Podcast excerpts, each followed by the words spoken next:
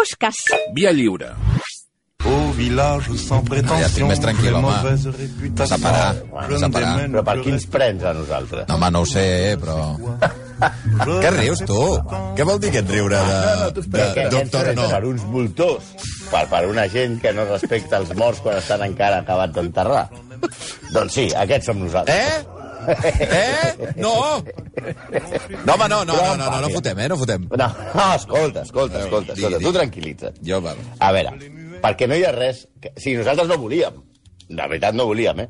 Però no hi ha res que ens motivi més que les amenaces.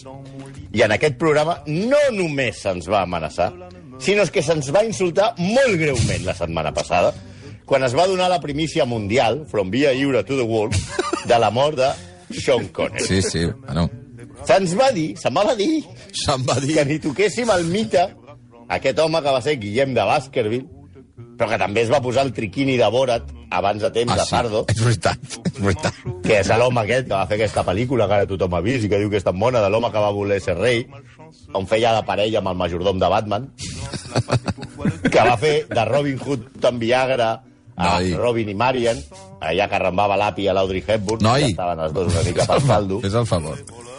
Que va seguir tirant de la pastilla blava quan va fer de Dr. Jones Senior a la última d'Indiana Jones, perquè és la última Sí, d'Indiana senyor. Jones. Sí, senyor. Perquè mai va haver una quarta entrega. Mai. Que en això sí estem d'acord amb Toni García Grunyón. I que tothom...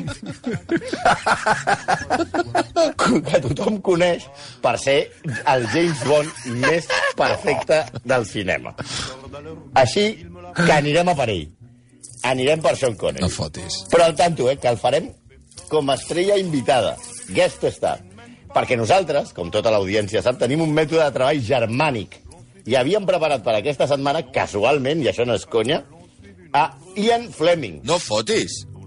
Sí, havíem preparat Ian Fleming. Perquè no ens agrada ser previsibles. I, excepte quan diem als bars, que sempre és vaso bajo sin hielo, vale. Però normalment no ens agrada ser previsibles.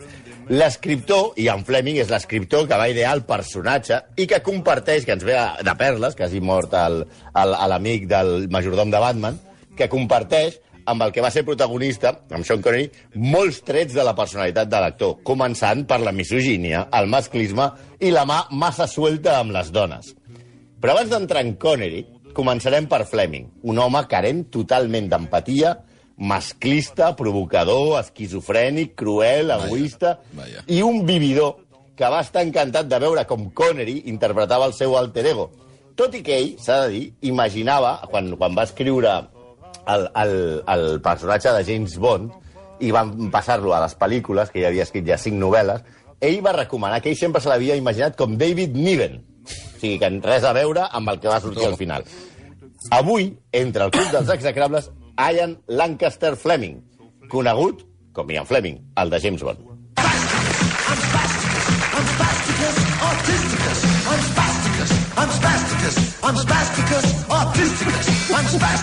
Però... Bueno, és boníssima la, ca- és boníssima la cançó, però i en duri, però, però què, què pinta? És que el motiu d'aquesta cançó és que tota la vida el Santi ha pensat que es deia esbàstiques artístiques. No es deia esbàstiques, es deia Però espàsticos. sense, escolta, escolta.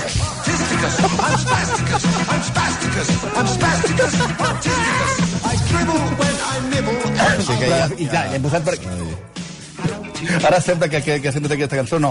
Ara, la veritat és que hem posat aquesta cançó perquè es diu Ian, com Fleming. I ja Ah, està. va, Ian és el, el gran Ian Dury, que estava tan espatllat com l'autor de James Bond. I no ho diem nosaltres. Ho, ho diu una de les seves primeres nòvies, de, de Fleming, eh? que, va, que va tenir més que Rafa Mora, i que diu era un complet esquizofrènic. Perdona, era dur eh? i bastant cruel. T'he de dir que Jofre Llombard, que ens està escoltant, m'ha dit ara ja no puc evitar sentir esbàstiques tota l'estona. No, no, és clar. No diu esbàstiques, diu... Es, a, a, a, no sé ni què diu, Per imagina't. això em feia gràcia la cançó. No, és veritat, home, no deia això. Què collons vol dir espàsticos? Espàsticos. No, espàsticos. Espàstiques autístiques. No, Autísticos. espàstiques artístiques. Va, va. Bueno, el que, el que una de les primeres noies diu era un complet esquizofrènic, era dur i bastant cruel, però alhora l'home més fascinant i atractiu, tot i que podia ser molt egoista i interessat. També destaquen les paraules del seu amic, íntim amic, eh, Robert Harling. Mm. Tractava a les dones com un objecte prescindible. Clar. A Ian no li agradaven les dones. Crec que fins i tot la detestava i les tolerava per la seva dependència sexual d'elles. Fixa't. Ell tot coherència, acabaria casat amb una anglesa, però sempre va dir que preferia les dones estrangeres. Per? O l'occita, perquè les dones angleses no rentaven regularment i eren molt avorrides al llit. Tan cosita. Això avui serà dur. Això Això és la, avui serà. la famosa Deu- Fleming britànica. Deu estar, perdona, eh, deu estar contentíssim i en Fleming des del més enllà que, que hi hagi una dona negra eh, a punt de ser 007 en la pròxima pel·lícula. Però, però Però està encantadíssim. Sí, perquè bàsicament ja no pots cobrar els royalties, ell. No. Sí. Ah, és veritat. Això és el que li deu, el que li deu, el que li deu fotre. Però per posar-vos breument en context, us explicarem que el Fleming, i en Fleming era un pijo, molt pijo i amb molta pasta. Sí, eh? El seu avi, imagineu, va fundar l'Scottish American Investment Bank Carai. i el seu pare era un noble, era un tio molt, pres- molt prestigiós que va ser parlamentari. Va morir a la Primera Guerra Mundial, perquè abans els, els parlamentaris també anaven a la guerra. Ara, ara. Cosa que no passarà fins que Abascal, eh, fins que Espanya entri en una guerra i Abascal hi vagi, que, o no, no farà com l'Emili, és igual.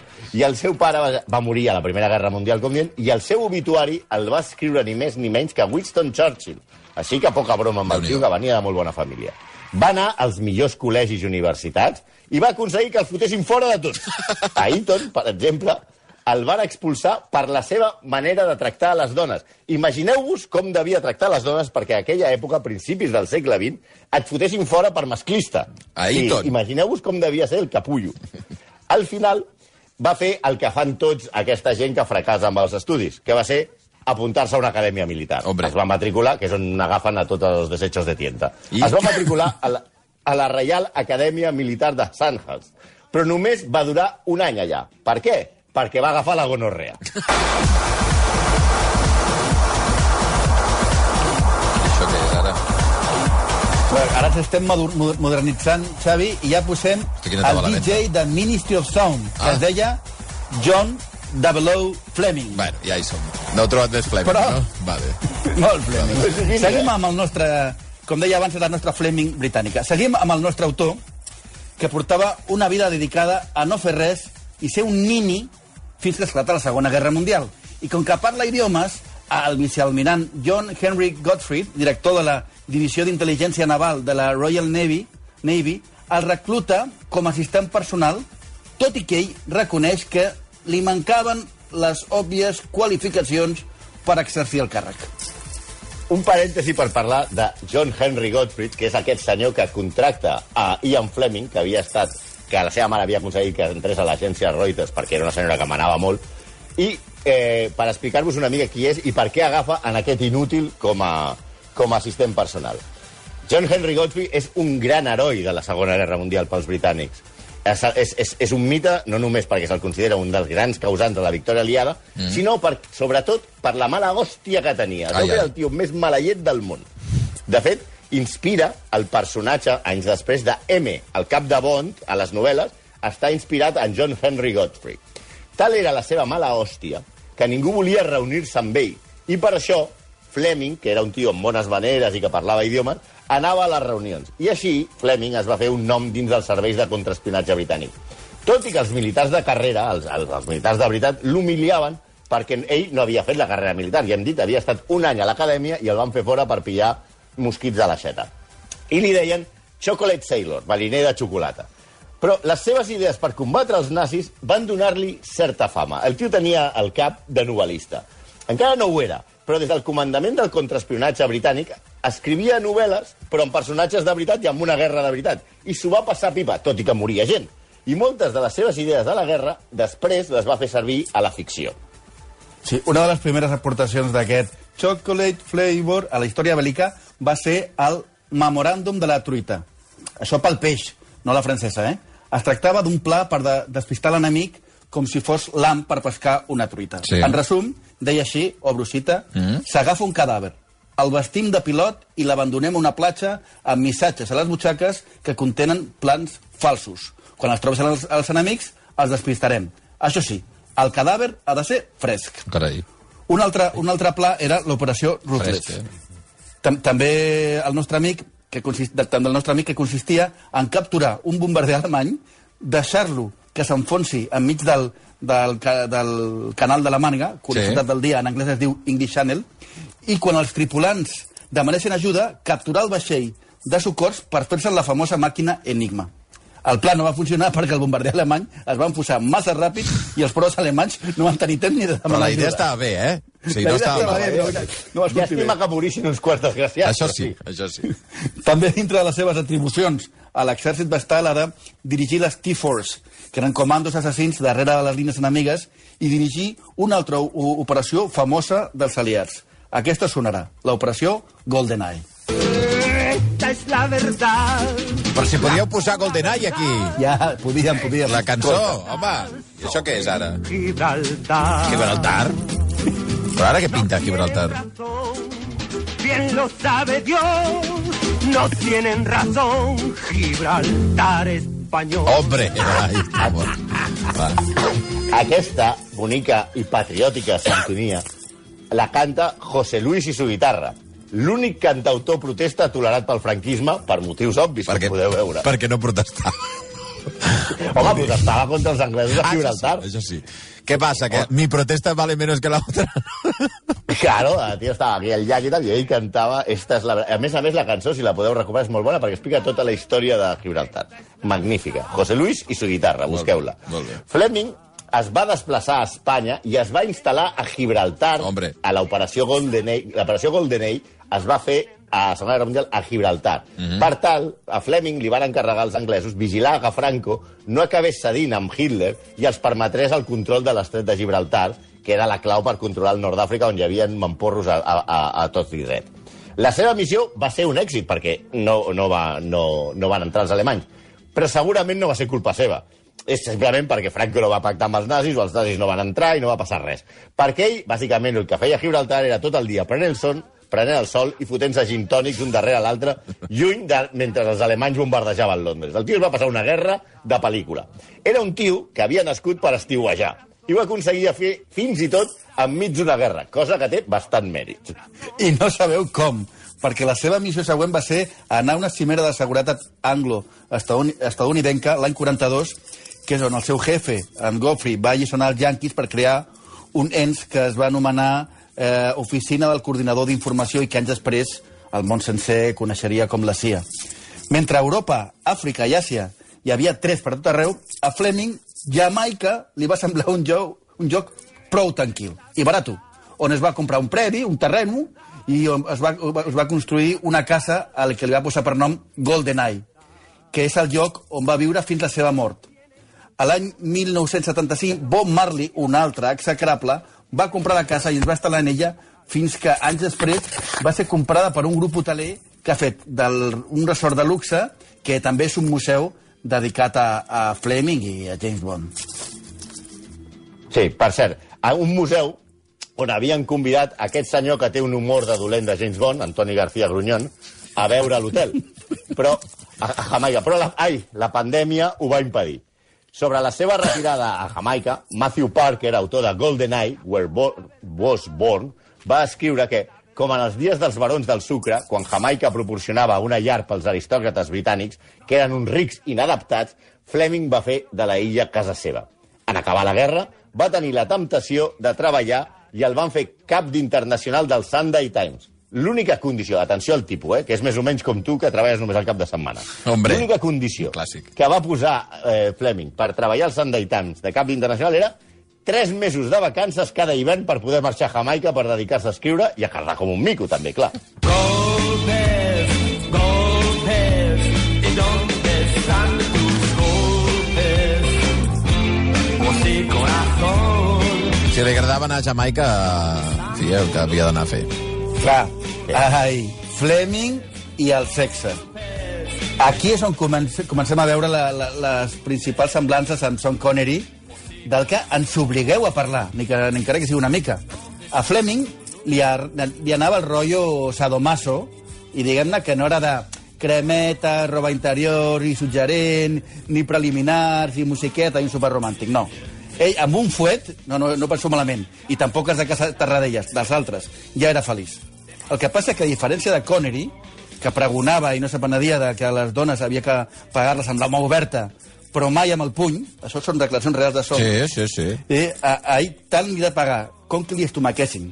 Vull dir, a, a, a Ian. De fet, a les novel·les de James Bond, tots, tothom, tothom ha llegit, hi ha múltiples referències al càstig físic amb connotacions d'excitament sexual. Per això, quan es van ser publicades, molts, i inclús la seva família, les van qualificar com pornogràfiques. I és que, com, com veurem després, el James Bond de les pel·lícules està molt suavitzat respecte al de les novel·les. Imagina't si l'han suavitzat que han posat una dona per fer el pròxim James Bond. Sí. La seva afició pel cuir i el pam-pam al culete durant l'intercanvi de fluids amb altri, i no et queixis que més elegantment això de, de zumbar algú mentre te l'estàs cardant no Va, sí, però ja la ho has dit. coneixem. No, jo he dit pam-pam al culete durant intercanvi de Sí, fluids. sí, s'ha entès, s'ha entès. La coneixem, i allò d'insultar-la i escúpem en la boca. No, prou! La coneixem perquè fa poc van sortir a la llum les 164 cartes que es va enviar amb la seva primer amant i després dona, Anne Charteris. Com si fossin les converses entre Pilar Rola i David Medí, ala, tot a l'aire. En elles, les de Fleming amb la seva dona, es diuen coses com et desitjo fins i tot quan em fueteges perquè m'encanta que em facis mal i després em facis petons després. Aquesta pràctica es veu que no era exclusiva de la seva relació amb Charteris, perquè abans havia tingut com a nòvia, i hem dit que tenia moltes nòvies, eh, una supermodel de l'època anomenada Muriel Wright. Després d'una nit amb ella, imagineu-vos com devia arribar la noia a casa, el germà de la Muriel es va presentar a casa de Fleming a Londres amb un fuet per fer-li a ell el mateix que ell li havia fet a la seva germana. Imagineu. Sí, la, la relació amb, amb, amb la seva dona, que parlava el Santi, venia de llarg. De fet, Fleming era el seu amant ja durant el primer matrimoni de la senyora, amb el tercer baró O'Neill. I va ser quan ella es va casar amb Esmond Harworth, que era el vescomte de Rothberg, que era l'amo del Daily Mail. Com veiem, a la senyora, que ja era molt rica, li agradaven els homes asquerosament rics. I com que Fleming només era ric a nivell usuari, no acabava de decidir casar-se amb, de decidir casar-se amb ell. Però, poc a poc, es van anar enamorant. I fins i tot ell la va deixar embarassada d'un nadó que va néixer mort, pobret. La seva relació era coneguda per tothom. Fins i tot Noel Coward, veí de Fleming a Jamaica i amic del matrimoni, el segon, va escriure una obra de teatre sobre ells. I és que la posada de banyes era molt clara. Fleming jugava amb el marit al golf al matí i a la tarda feia la migdiada amb la dona. Això sí, Hosti. amb tots dos feia servir el ferro 5. Sí, Ai. sempre tenia, tenia un gran pat. Eh, era tan clar que li feien el salt al marit que en una carta ella li escriu E, que és el nom en clau que utilitzaven i que després, com veureu, utilitza les novel·les, tots els personatges importants es diuen per una lletra, M, Q, etc. ja no tolera més. Així que van decidir casar-se, i a ell li entra la paranoia de que no podrà donar a la seva dona el nivell de vida que estava acostumada amb els seus anteriors marits. Així que es va posar a escriure. Ell mateix reconeix amb un atac de sinceritat i romanticisme que Casino Royale, la primera novel·la de Bond, la va escriure per distreure's de la mandra que li feia la seva boda imminent amb Charteris, que a més a més estava embarassada. Un altre cop. Sí, les novel·les van ser un èxit, però el matrimoni, un fracàs absolut. Com a mostra, un altre fragment de la seva correspondència, ja casats. Eh? Li diu ella, dius que trobes a faltar els teus dies de solter. La única persona en la que vas deixar de dormir quan es van acabar vaig ser jo. Tots dos van tenir multitud de mans com si fos una competició i ell reconeix que, obro cometes, ens estem fent tant de mal fins al punt que la vida és gairebé insuportable. Les novel·les al principi van funcionar, però després van rebre unes crítiques ferotges. Un crític les va definir com llibres que tenen els tres ingredients bàsics, tots insalubres i profundament anglesos. Carai. A saber, el sadisme d'un pinxo de col·legi privat, els desitjos sexuals mecànics bidimensionals d'un adolescent frustrat i les ànsies cruels i snobs d'un adult suburbà. Si algú ho ha entès, que escrigui. Però quan sembla que tot s'ha anat a Norris, va canviar la seva sort per dos motius. Un, la revista Life va fer la llista dels 10 llibres favorits de JFK i va incloure Des de Rússia amb amor. I va arribar al cinema i va arribar Sean Connery. La